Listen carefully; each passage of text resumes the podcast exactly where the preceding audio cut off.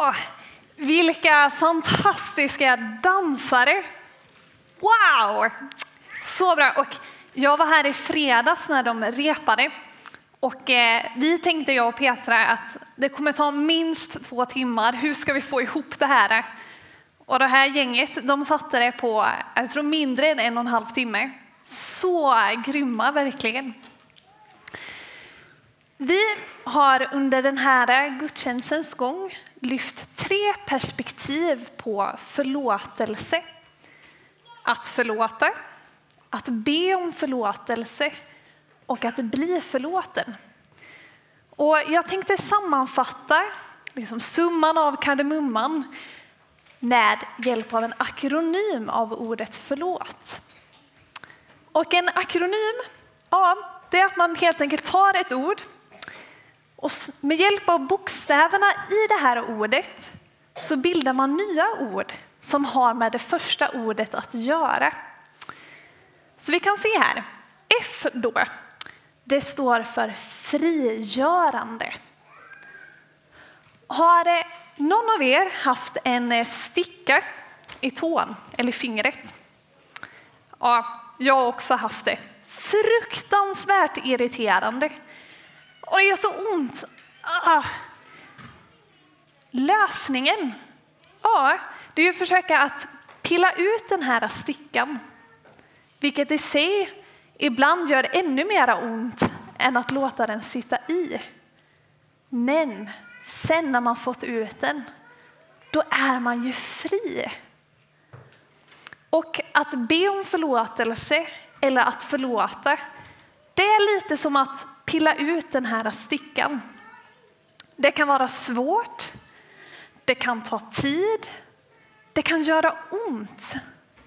Men sen är man fri. Så F, frigörande. Ö, ödmjukande.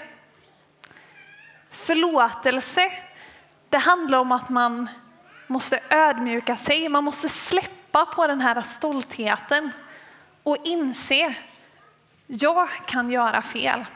Alla människor kan göra fel oavsett hur perfekta vi vill vara. Och Det är det som kan göra det lite svårt att be om förlåtelse. Att erkänna detta. Jag har gjort fel. Men så står det ju också i Bibeln faktiskt, i Romarbrevet 3 och 23. Alla har syndat och saknar härligheten från Gud. Det gör alla fel. F, Ö, då har vi kommit till R. Rättvist enligt Gud. Och det var ju det som dramat handlade om.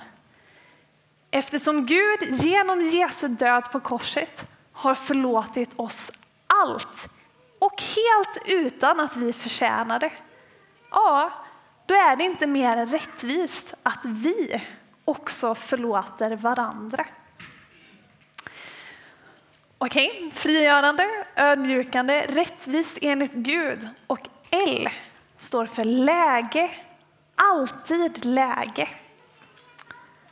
Har du något otalt med någon? Är du osams med någon? Eller vet med dig att du har sagt eller gjort något som inte blev så där superbra. Skjut inte upp på att be om ursäkt, utan tänk istället. Det är läge. Alltid läge. Okej, två bokstäver kvar nu då. Å. Det står för återkommande. Miss Li sjöng i sin låt då, Är det för sent att lära sig? Alltså är det för sent att lära sig att be om ursäkt? Jag tänker så här, att det är inte för sent. Det kan inte bli för sent att lära sig av den enkla anledningen att be om förlåtelse är någonting som vi måste göra om och om och om igen hela livet ut. Alltså, om övning ger färdighet så har vi goda chanser att lära oss.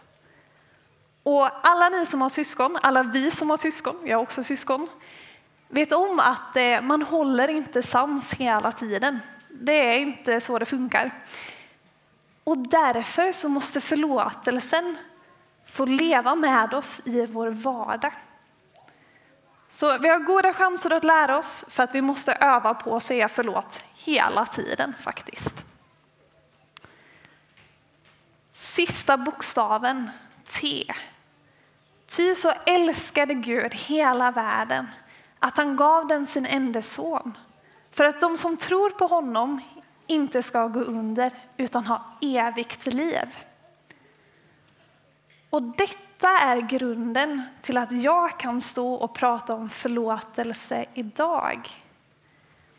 Gud älskar oss människor så mycket att han lät Jesus dö på ett kors så att vi skulle kunna bli fria synden som egentligen skulle ha kostat oss våra liv.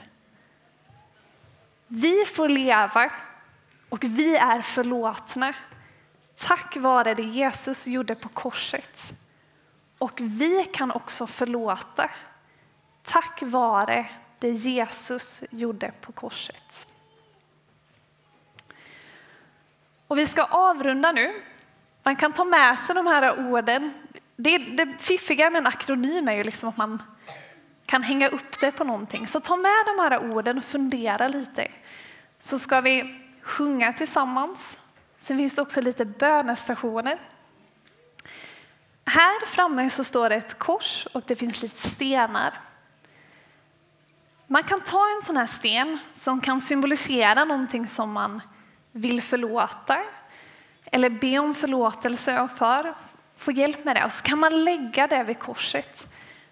Men det kan också vara en symbol för någonting som är tungt i livet, en börda som man vill ha hjälp att släppa. Så det kan man göra vid den här stationen här. Sen här framme så finns det ett par mattor. Och där kommer Jenny och Lotta att sitta. Och hit kan man komma som syskon, som mamma och barn, som farmor och barnbarn eller ja, eh, det man vill ta med helt enkelt fram. Och så kan man få en välsignelsebön, en kort välsignelsebön, så finns Jenny och Lotta där. Sen så här borta, längst bort hit, så, förlåt, längst bort på båda platser, superbra ju. Eh, dit kan man gå och också få vanlig förbön som vi har varje söndag om det är någonting som man vill, vill lyfta med någon så hjälper de att be för det. Så jag gör helt enkelt så att jag knäpper mina händer här, ber en bön och sen så öppnar bönestationerna och sen kommer lovsången också vara igång. Tack Gud att du har förlåtit oss allt, till och med det som vi själva inte tror går att förlåta. Och jag ber att eh, förlåtelsen ska få leva i vår vardag. Hjälp oss att förlåta det vi behöver förlåta. Hjälp oss att säga förlåt de gånger vi behöver säga förlåt. Tack Gud för att du älskar oss så mycket så att du valde att låta din son dö på ett kors. Tack att vi ska få bära med oss det den här veckan och minnas det lite extra. Amen.